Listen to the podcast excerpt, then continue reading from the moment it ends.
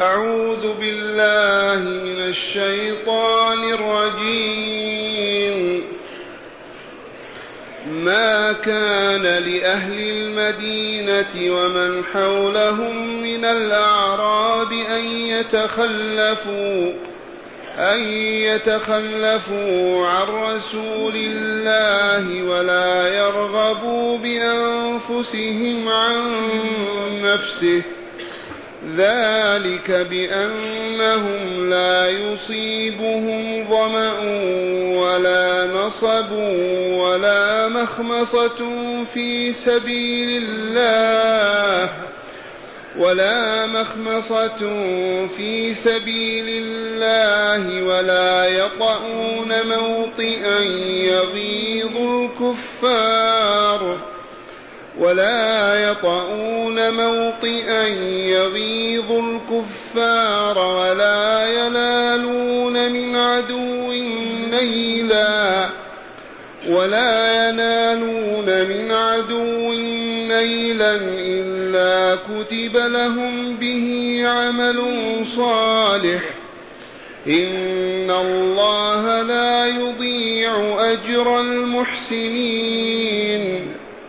ولا ينفقون نفقة صغيرة ولا كبيرة ولا يقطعون واديا ولا يقطعون واديا إلا كتب لهم ليجزيهم الله ليجزيهم الله أحسن ما كانوا يعملون وما كان المؤمنون لينفروا كافة فلولا نفر من كل فرقة منهم طائفة ليتفقهوا ليتفقهوا في الدين ولينذروا قومهم إذا رجعوا إليهم ولينذروا قومهم إذا رجعوا إليهم لعلهم يحذرون. معاشر المستمعين والمستمعات من المؤمنين والمؤمنات قول ربنا جل ذكره ما كان لأهل المدينة ومن حولهم من الأعراب أن يتخلفوا عن رسول الله الآية. الآية ما زالت في سياق غزوة تبوك. تلك الغزاة التي كانت آخر ما غزا رسول الله صلى الله عليه وسلم إذ كانت في السنة التاسعة من هجرة الحبيب صلى الله عليه وسلم. في هذا السياق يقول تعالى ما كان لأهل المدينة أي سكانها. ومن حولهم من العرب كمزينة وجهينة وأسلم وظفاء وخفار هؤلاء الذين يسكنون حول المدينة ما كان لهم أن يتخلفوا عن رسول الله. وقد خرج إلى قتال الروم في ديار الشام. والصيغة أبلغ من ليس لهم أن يتخلفوا أو لا يتخلفون إذ معناها ليس من شأنهم أبدا أن يقع هذا. فلا يحل لأحد أن يتخلف عن رسول الله صلى الله عليه وسلم ويتركه يخرج إلى جهاد الروم وحده ومن معه. وهذا هو التعبئة العامة أو النفير العام. إذ أعلن صلى الله عليه وسلم عن النفير العام ولا يتخلف أحد إلا ذو عذر. وتخلف من تخلف. وهنا يقول تعالى لهم ما كان لأهل المدينة ومن حولهم من الأعراب سكان البادية أن يتخلفوا عن رسول الله ولا يرغبوا بأنفسهم عن نفسه. يرغبون بأنفسهم لتبقى في الظلال والماء والطعام والرسول في الحر والشمس والحرب والقتال. كيف يصح هذا من مؤمن؟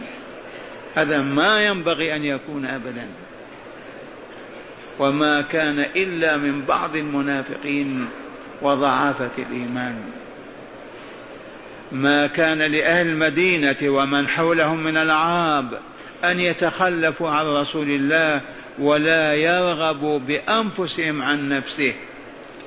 ذلك بأنهم لا يصيبهم ظمأ عطش ولا نصب تعب ولا مخمص جوع في سبيل الله ولا يطعون موطئا يغيظ الكفار إذا نزلوا فيه ولا ينالون من عدو نيلا ولو رمحا ولو فرسا إلا كتب لهم به عمل صالح.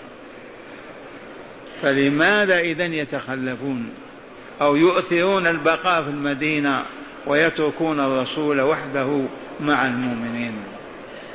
ما علموا هذا. كيف يتخلفون؟ وهم لا يصيبهم ظمأ ولا نصب الظمأ العطش ولا نصب أي تعب ولا مخمصة وهي الجوع. في سبيل الله ولا يط في سبيل الله أي من أجل قتال الكفار ليدخلوا في الإسلام وليعبد الله تعالى وحده في الأرض. ولا يطؤون موطئا يغيظ الكفار. إذ الكفار لهم مواطن يحمونها ويحرسونها ويخافون من العدو أن ينزل بها. فإذا نزل بها المؤمنون تألم لذلك الكفار فكان نزولهم في هذا الموطن له أجر عظيم.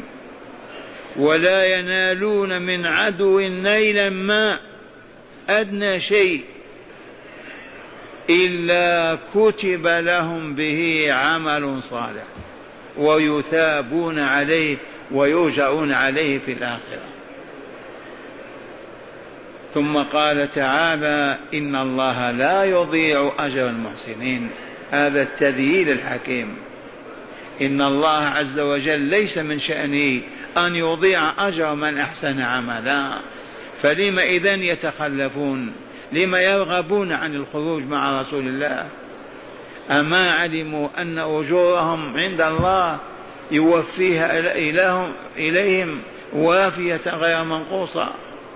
لأنه لا يضيع أجر المحسنين.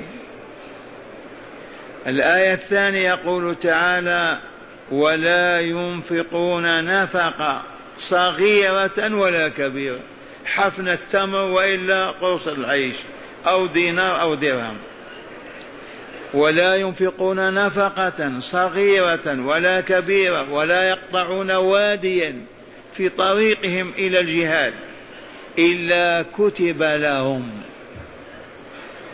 لا ينفقون نفقة صغيرة ولا كبيرة ولا يقطعون واديا في طريقهم إلى الجهاد إلا كتب لهم.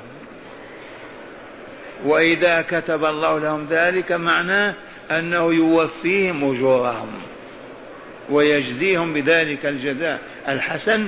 فقال تعالى ولا يقطعون واديا إلا كتب لهم ليجزيهم الله أحسن ما كانوا يعملون. ليجزيهم الله أحسن ما كانوا يجزيهم بأحسن أعمالهم. وهنا انتقلنا إلى الجهاد غير الملزم أي الجهاد جهاد التطوع أو جهاد الواجب. ليس فرض عين بل فرض كفاية. الآن يقول تعالى وما كان المؤمنون لينفروا كافة. إذا أعلن قائد الجهاد في البلد عن الخروج إلى الجهاد المعركة الفلانية أو الغزوة الفلانية في الديار الفلانية ليس على أهل البلاد أن يخرجوا كلهم. ما كان لهم أن ينفروا كافة. يخرج عدد يسد الحاجة ويدفع العدو ويقاتل في سبيل الله ويبقى عدد يصون البلاد ويقوم بالأهل والولد. من رحمة الله أن النفير العام قل ما يقع. غزا الرسول سبع وعشرين غزوة ما فيها تعبئة عامة إلا هذه غزوة تبوك. وما عدا ذلك غزوة بدر أعلن عنها الرسول خرج معه ثلاثمائة وأربعة عشر فقط. غزوة أحد خرج معه سبعمائة فقط. لأنها ليست تعبير عامة ونفير كامل. فإذا كان الغزو ليس نفيرا عاما ولا تعبئة كاملة الحكم هو أن يخرج جماعة ويبقى جماعة. كل قبيلة يخرج منها عدد ويبقى من أفرادها عدد آخر.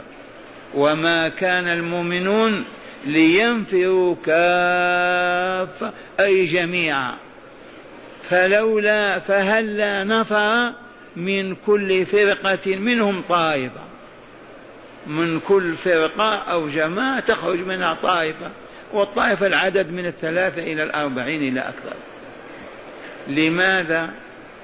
قال ليتفقهوا في الدين. يخرجون مع رسول الله صلى الله عليه وسلم. والوحي ينزل والتعاليم تتجدد والرسول يبين في كل ساعة وفي كل لحظة. فلما يكونون معه ينقلون ذلك العلم وذلك الفقه ويعودون به إلى الذين ما خرجوا. فيتفقهوا أيضا. ليتفقهوا في الدين ولينذروا قومهم إذا رجعوا إليهم لعلهم يحذرون. وإذا بقي الرسول ما خرج إلى معركة وقيد قائدا وخرج فلا يخرج كل أهل البلاد مع ذاك القائد بل يبقى فريق منهم مع رسول الله في المدينة ليتلقوا العلم والمعرفة ويتفقهوا في الدين. هذا تدبير الله عز وجل وإلا لا؟ من قنن هذا القانون من قرر هذه المبادئ الله ولي المؤمنين. والنسخ إلى الآية الكريمة وما كان لمؤمن وما كان المؤمنون لينفروا كافة. إذا فهلا نفر من كل فرقة منهم طائفة ليتفقهوا في الدين؟ ولينذروا قومهم إذا رجعوا إليهم لعلهم يحذرون عقاب الله في الدنيا والآخرة. هذه الآية الكريمة أجمع أهل العلم من الصحابة والتابعين على أن طلب العلم كالجهاد سوت بين طلب العلم والجهاد. على شرط أن يكون طالب العلم يطلبه بنية صادقة أن يعمل به ويعلمه.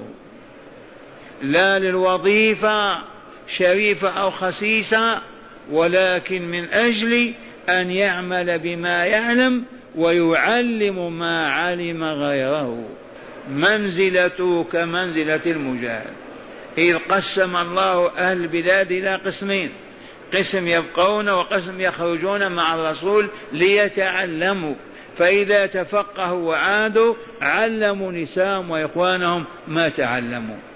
وإذا بقي الرسول ما خرج للجهاد وخرج غيره من قادته ورجاله فالجماعة الذين يبقون في مع الرسول يتعلمون.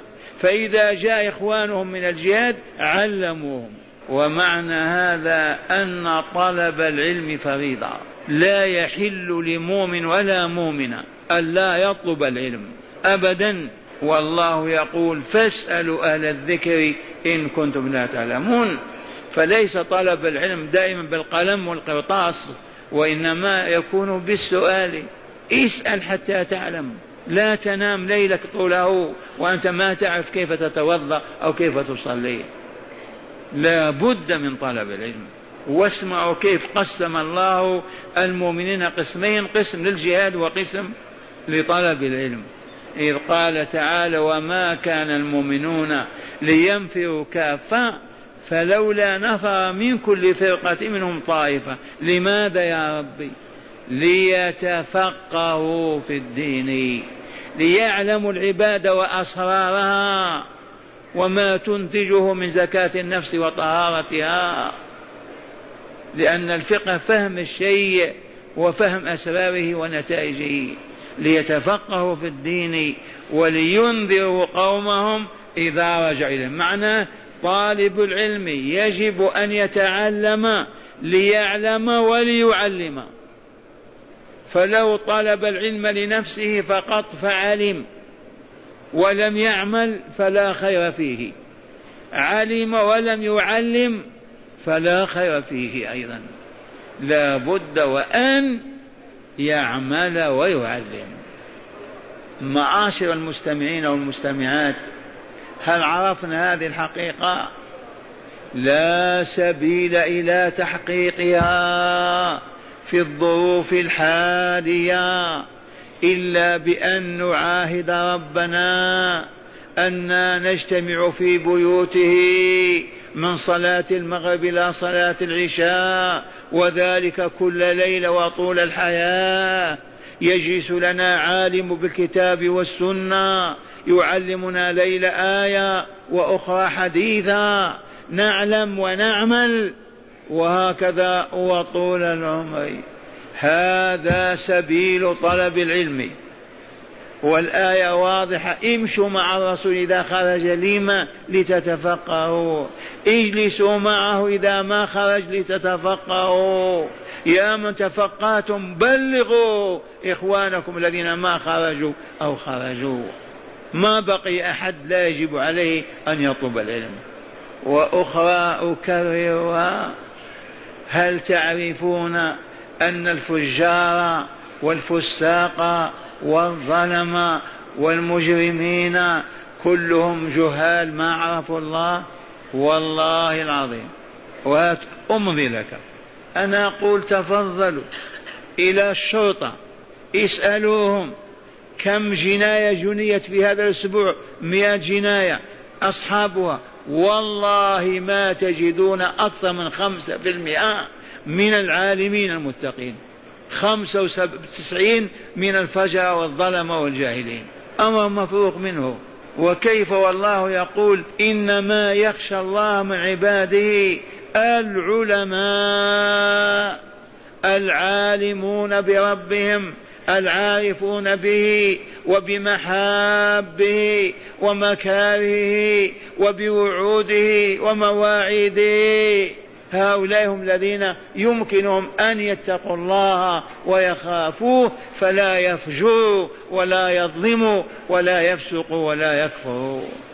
طلب العلم فريضة. وهكذا الذي يجلس في مسجد كهذا يتعلم ليلة أو ليلة الحديث أفضل له والله من الصيام والقيام. إليكم هداية الآيات. وتأملوا كيف استنبطنا هذه الهداية. أولا وجوب إيثار رسول الله صلى الله عليه وسلم على النفس بكل خير بل بالحياة كلها. أي يجب أن نفضل رسول الله علينا في كل شيء حتى في الحياة. لأن الله قال ما كان للمؤمن أن ينفر ويترك رسول الله أن يتخلفوا عن رسول الله. كيف يصح هذا؟ فدلت الآية على أنه يجب أن نحب رسول الله وأن نفضله على كل أحد. ونفضل على أنفسنا. نجوع والله ولا يجوع. نعطش ولا نسمح له أن يعطش. نمرض ولا نسمح أن يمرض. نموت ولا نسمح له أن يموت. هذا واجب حب رسول الله والإيمان به. ونسأل ما الذي كان يحب الرسول من الكلام نقوله؟ ما الذي كان يحب الرسول من المجلس؟ نجلس مجلسه. من كان الرسول يحب من الكلمات نقولها هذا شأن الإيمان والحب في الله. وما كان للمؤمن أن يتخلفوا عن رسول الله ولا يرغبوا بأنفسهم عن نفسه؟ الآية. ثانيا بيان فضل السير في سبيل الله وما فيه من الأجر العظيم. السير في سبيل الله المشي في سبيل الله كيف سبيل الله؟ من أجل الجهاد لإقامة الحق والعدل ليعبد الله عز وجل فالمشي في هذا في سبيل الله على رجليك على دابتك على طائرتك من أفضل الأعمال. المشي في سبيل الله. وهذا يعم المشي في سبيل الله لطلب العلم. المشي في سبيل الله لإصلاح ما بين اثنين. لأجل عيادة مريض المهم أن تكون ماشيا لما؟ لله. ثالثا فضل الإحسان وأهله. إن الله يحب المحسنين وإلا لا؟ وإذا كان يحبهم كيف يكربون ويحزنون؟ كيف يشقون ولا يسعدون وهو يحبهم؟ من هم المحسنون؟ الذين لا يسيئون والذين يعبدون الله. وكأنهم يرونه. حيثما قال أو تكلم أو جلس دائما هو مع الله عز وجل. إذ قال صلى الله عليه وسلم لجبريل لما سأله عن الإحسان قال الإحسان أن تعبد الله كأنك ترى. فالذي يعبد الله وكأن يرى الله يسيء العبادة والله ما يسيئها ولا يستطيع ذلك. لكن الغافل المعرض الناس هو الذي يفعل ما يفعل ولا يشعر. ثالثا رابعا تساوي فضل طلب العلم والجهاد. تساويا طلب العلم وطلب الجهاد. لماذا؟ تساوي فضل طلب العلم والجهاد على شرط النية الصالحة في الكل. المجاهد يجب أن تكون نيته صالحة. ما هو لأجل المال أو المنصب أو الشهرة وطلب العلم كذلك لا بد من النية الصالحة وهي أنه يريد أن يعرف ليعبد الله ويدعو الناس إلى عبادته ويعلمهم إياها خامسا حاجة الأمة إلى الجهاد والمجاهدين كحاجتها إلى العلم والعلماء سواء بسواء. حاجة الأمة إلى الجهاد والمجاهدين كحاجتها إلى العلم والعلماء على حد سواء. والآية دليل على هذا وإلا لا؟ فلولا نفر من كل فرقة من طائفة ليتفقهوا بالدين ولينذروا قومهم إذا رجعوا إليهم. حاجة الأمة إلى الجهاد في سبيل الله كحاجتها إلى العلم والعلماء.